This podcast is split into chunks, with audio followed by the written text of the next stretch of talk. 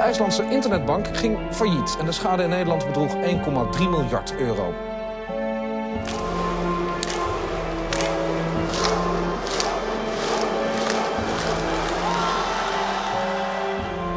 Bearing down on the British fishing fleet, the Icelandic gunboat Baldur, a converted stern trawler.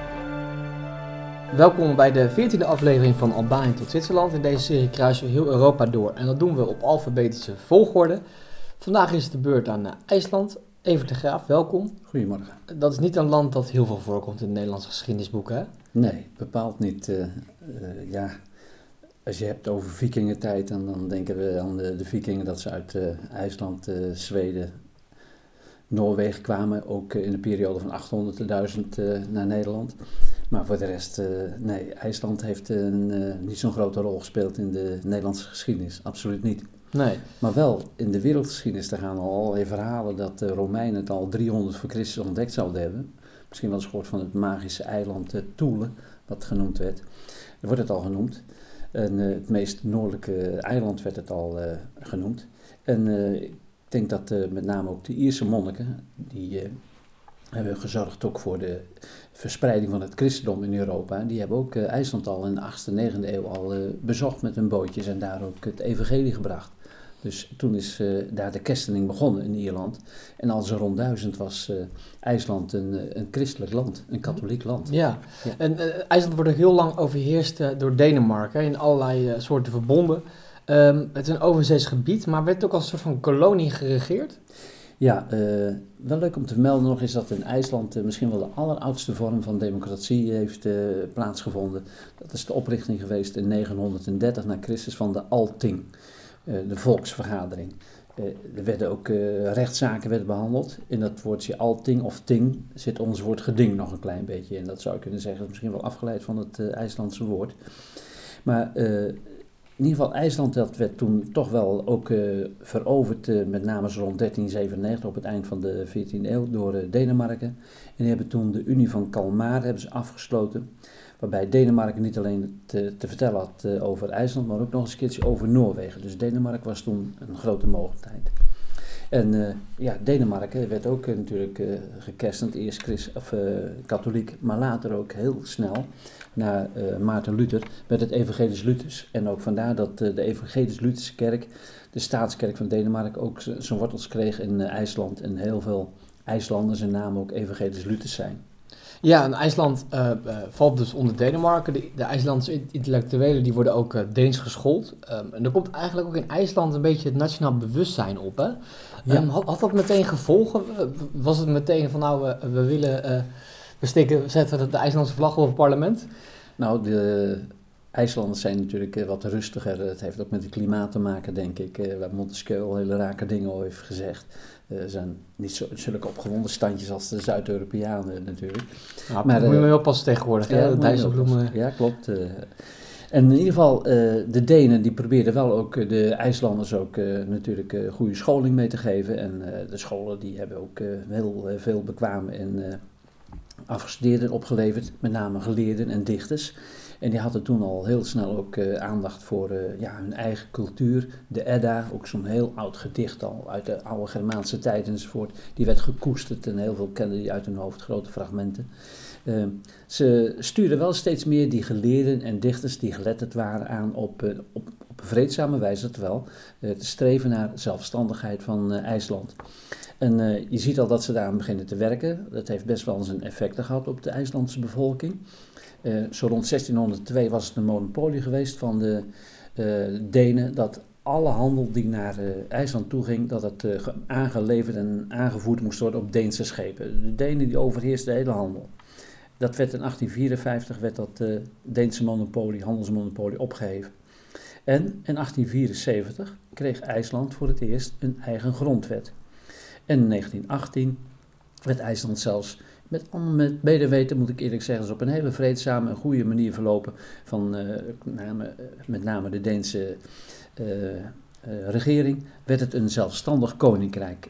En ze zaten wel in 1918 voor 25 jaar werd het vastgelegd in de personele unie. Dus eh, de koning van Denemarken was dan ook nog meteen koning over IJsland. Ja. Maar dat ging allemaal op een hele vreedzame wijze. Ja, dat, dat vind ik wel opvallend. We hebben natuurlijk een, eh, we hebben, eh, ja, de afgelopen afleveringen veel oorlogen gezien die hierop zijn uitgevochten. Maar Denemarken laat, het lijkt wel alsof IJsland zeggen, nou, we willen jullie graag helpen om zelfstandig te worden. Was, het, was dat nou gewoon Deense goedheid of was IJsland ook weer niet zo heel erg belangrijk? Nou, dat denk ik ook. En ik heb er zelf eigenlijk ook eh, altijd een beetje overheen eh, geleefd. Eh, als je weet dat IJsland in de Eerste Wereldoorlog een bevolking had, schrik niet van ongeveer maar 100.000 mensen.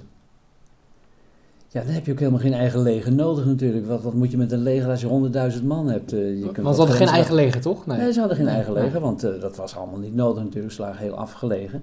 En nu, eh, zo'n 100 jaar later, eh 2014, heb ik cijfers gezien, telt eh, IJsland eh, 320.000 inwoners. Dat is ook helemaal niet zoveel. En in ieder geval, zij willen niet eens een eigen leger hebben. Dat is helemaal niet nodig, vinden ze. Maar wel willen ze natuurlijk dat ze toch wel het voor het zeggen hebben. En je ziet dan ook dat de IJslanders het altijd voor die Eerste Wereldoorlog, met name voor de Tweede Wereldoorlog, heel moeilijk hebben gehad. Eh, ik ben nooit op IJsland geweest. Het is een heel magisch land, natuurlijk eh, heel kaal. Het komt vanwege de geweldige houtkap. Eh, de huizen die gebouwd moesten worden, in, in eerste instantie de boten die ze wilden bouwen, hadden ze hout voor nodig. Nou, er groeit bijna geen boom meer. Dus bovendien hebben ze heel veel schapen. Er zijn veel meer schapen erin op dat eiland, dat heb je ook wel sterk in Ierland, dan dat er IJslanders zijn. En die vreten alles kaal, erosie heb je. Dus wat dat betreft is het een zeer armoedig land geweest. En eh, ze hadden toch wel ook de steun van Denemarken grotendeels nodig om ook eh, het hoofd boven water te kunnen houden. Ja. En dat, dat, kijk, dat je geen, eh, als je geen eigen leger hebt, is het natuurlijk vrij logisch dat je in de Eerste Wereldoorlog niet een kamp kiest. En dat je zegt, nou, we blijven neutraal. Ehm, maar die oorlog heeft wel veel gekost, hè? Eigenlijk net zoals in Nederland, toch? Eerste Wereldoorlog, dan eh, krijg je dat eh, inderdaad ook Nederland en andere kleine landen die graag neutraal willen blijven. Dan krijg je inderdaad eh, die houding van we bemoeien ons er niet mee. Wel hadden ze natuurlijk ook bedongen dat Denemarken de belangen van IJsland moest behartigen. Ze waren nog koninkrijk, heb ik net verteld. En die moest dan ook de Deense schepen, de territoriale wateren moesten ze beschermen. Want de Denen hadden wel, of de IJslanders hadden wel, een behoorlijke visserijvloot al. Daar begonnen ze al mee na de Eerste Wereldoorlog, die op te bouwen.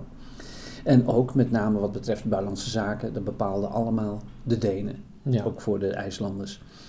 Ehm, maar eh, doordat eh, in de Eerste Wereldoorlog de handel stil lag, met name door de Engelse blokkade op zee, hebben de IJslanders er ook heel veel narigheid van ondervonden. Eh, die probeerden gewoon alle toevoer naar Duitsland op zee met eh, hun boten, probeerden ze dat eh, tegen te houden. Boten die eh, wel handelswaar vervoerden, Hollandse boten, IJslandse boten, die werden gewoon gecontroleerd ook door de Engelsen. En soms ook zelfs tot zinken gebracht, dat ze echt eh, werden beschoten. Want ze waren heel streng, die Engelsen moet ik eerlijk zeggen.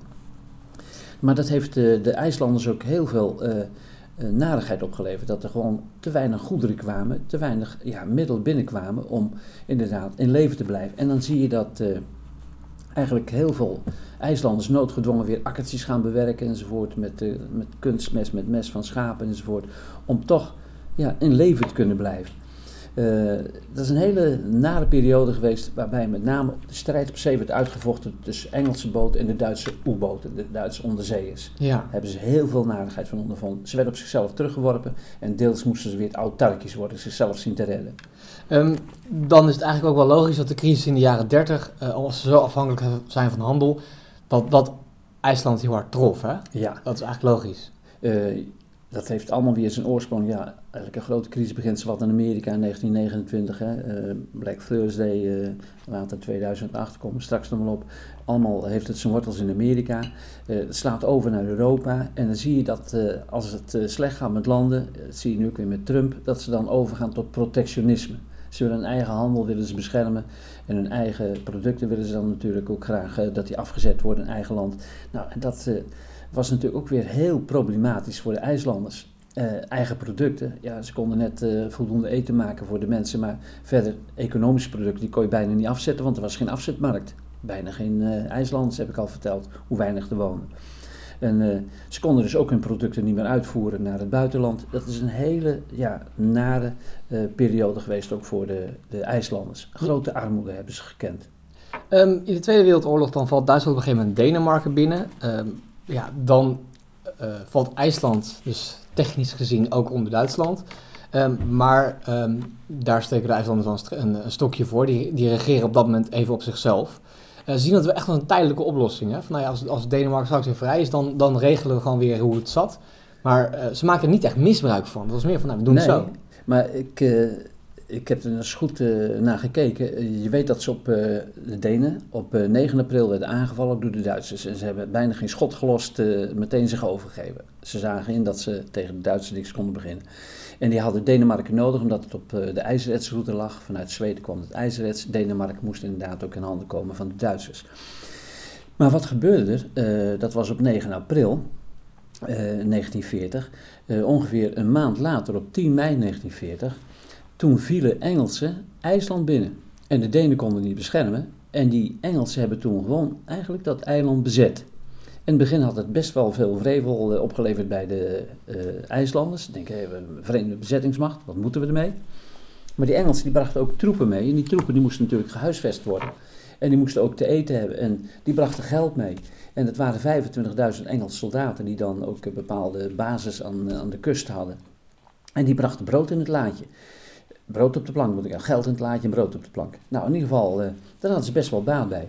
En dat is ook weer een hele korte periode geweest, want eh, weer een eh, jaar later, op 7 juli 1941, toen moesten de Engelsen noodgedwongen weg van IJsland. Ze hadden hun troepen hard nodig voor de gevechten in Noord-Afrika, Montgomery tegen Rommel.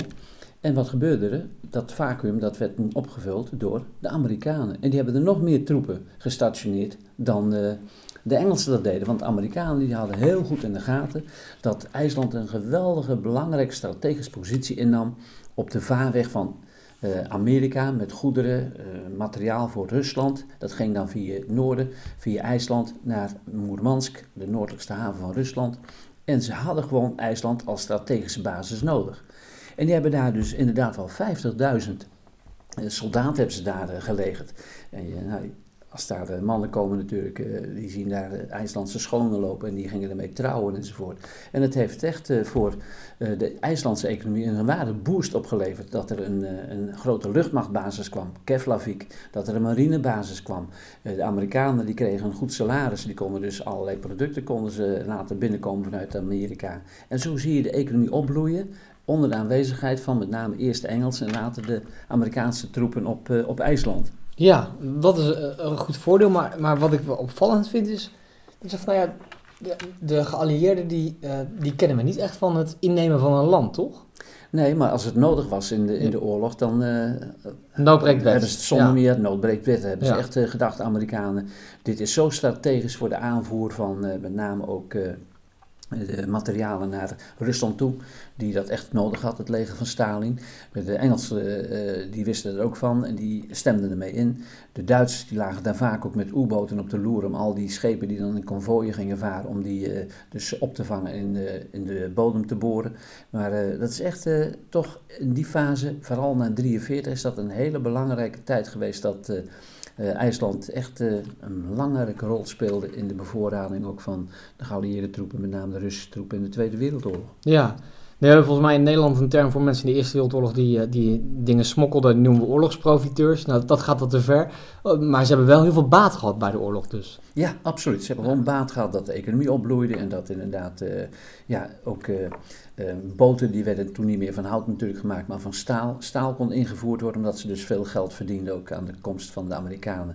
En dan zie je dat ze met name ook een hele ja, moderne vissersvloot opbouwen, de IJslanders. En dat is een van hun voornaamste exportproducten geworden, Ja. wereldwijd. Ehm, dan op een gegeven moment, aan het eind van de oorlog, dan eh, is het eh, verbond met eh, Denemarken, dat loopt, eh, dat loopt keurig af. En dan worden de banden ook definitief doorgesneden. Eh, de Deense koning die feliciteerde, met, feliciteerde ze met de onafhankelijkheid. Ja, zo kan het ook, hè? Ja, dat is inderdaad, dan kun je zien, die Denen, dat is ook een geweldig vriendelijk volk. En eh, met name die koning Christian X, dat is een hele wijze man geweest. Dat is echt een bewonderenswaardig figuur. Eh, dat, eh, die personele unie, wat ik al vertelde, die was gesloten in 1918, ging in 1919 in. Die liep in 1944 af. En ze zaten toen net helemaal onder de knoet van de Duitsers. Ze hadden eerst nog dit tijdje, dat heb ik in de vorige uitzending al een keer verteld over Denemarken, dat ze nog redelijk wat zeggenschap hadden. Maar toen werd alles overheerst door de Duitsers en toen heeft inderdaad ook de koning ingezien, nou wij moeten IJsland loslaten. Heeft ze netjes gefeliciteerd. Uh, Alting, die, uh, dat parlement dat ging in werking treden in IJsland, koos een president voor vier jaar. En uh, ze kregen dus inderdaad de hartelijke gelukwensen van de Deense koning, van de Deense bevolking mee. Nou, dat is echt een voorbeeld voor vele landen, denk ik. Ja, nou, het is wel goed om... goede wijze ja, afstand te kunnen Het is ook goed om dat een keer te horen, toch? Ja. In, in al onze nationalistische uh, oorlogen en uh, gevechten. Dus niet met bloed gepaard, inderdaad. Nee. bloedvergieten gepaard. dan zijn er na de Tweede Wereldoorlog een aantal incidenten tussen IJsland en het Verenigd Koninkrijk. de, de Cold Wars. Um, waar gingen die over? Ja, ik heb al verteld dat, met name door de komst van de Amerikanen, dat er heel veel geld binnenkwam. En dat de IJslanders best wel wat geld uh, ter beschikking hadden. En die hebben dat vooral gestoken in de bouw van een hele moderne visserijvloot. En die gingen met name daar natuurlijk ook de IJslandse territoriale wateren gingen ze bevissen. En die hebben daar heel veel kabeljauw gevangen.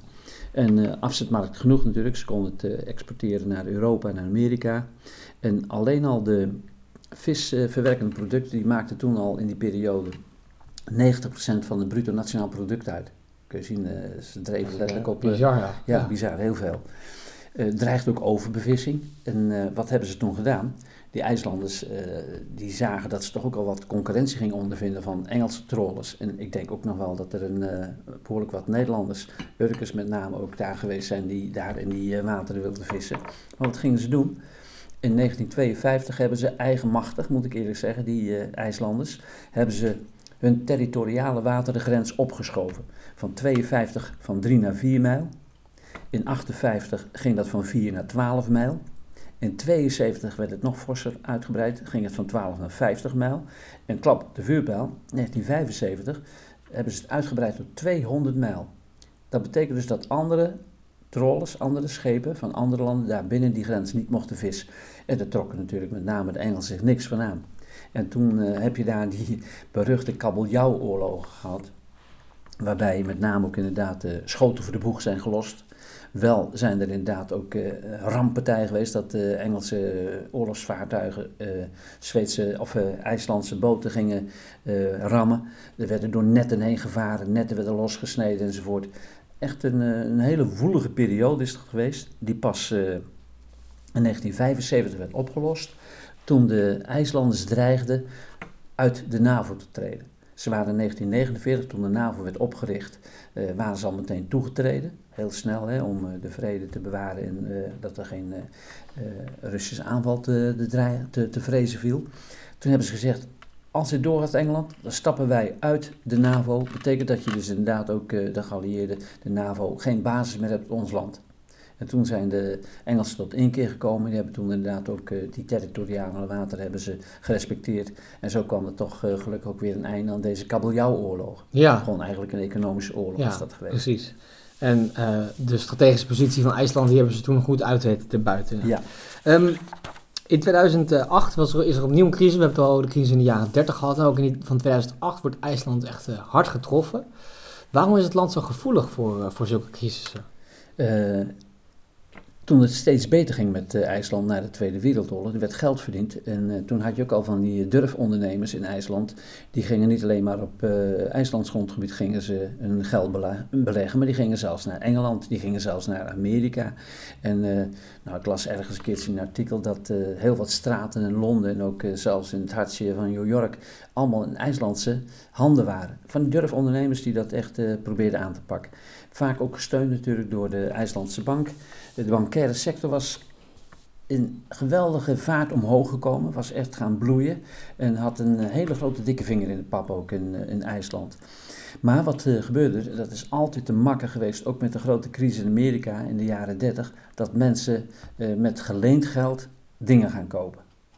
En dat deden ook die uh, IJslandse ondernemers. Ze konden geld konden ze krijgen van allerlei banken in IJsland, maar ook uh, elders. En met dat geleende geld gingen ze de meeste ja, uh, durfachtige dingen gingen ze ondernemen.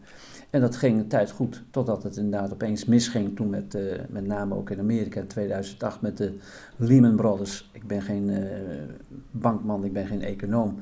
Maar ik weet wel dat ze met rommelhypotheken begonnen te rommelen op de markt enzovoort. Hypotheken die totaal niet gedekt waren door wat voor bezitting ook. En toen is dat hele kaartenhuis is in elkaar gedonderd, ook in IJsland. En toen had je zelfs nog dat is heel bekend geworden, dat schandaal van IceSafe in Nederland. Dat de IJslandse banken dus ook geld hadden geleend aan, of ja, hadden geleend aan met name Nederlandse gemeentes en Nederlandse provincies. Een van de meest spraakmakende is geloof ik Noord-Holland geweest. En nou, die bank, die ging toen ook failliet. Landsbankie was dat. En dat heeft voor ontzettend veel problemen opgeleverd. Ook hier in uh, Nederland, uh, dat het uh, dagelijks journaal haalde. Hoe krijgen we ons geld terug, hè, wat we uitgeleend hebben aan die Denen. Die hebben dat allemaal zoek gemaakt. aan de IJslanders? Aan, ik zei de Denen, aan ja. de IJslanders, sorry. en dat moet echt, dat is weer, dat moet je die IJslanders toegeven. Ze hebben gezegd ook toen het, de nood het hoogst was, maar wij zullen ervoor zorgen dat jullie tot op de laatste cent terugbetaald krijgen. En dat schijnt inderdaad toch de waarheid te zijn uh, geworden. Dat ze inderdaad dat geld in de loop der tijd allemaal hebben afgelost wat ze schuldig waren aan, met name ook hier in Nederland, en andere schuldhebbenden. Dat is een mooi verhaal om mee, ja. om mee te eindigen, denk ik ook. Um, bedankt voor deze uitleg over, over IJsland. De volgende keer dan zijn we er weer en dan gaan we het over Italië hebben. Prima. Arrivederci. Hoe lang duurde deze nou? Oh, 20 minuten nog.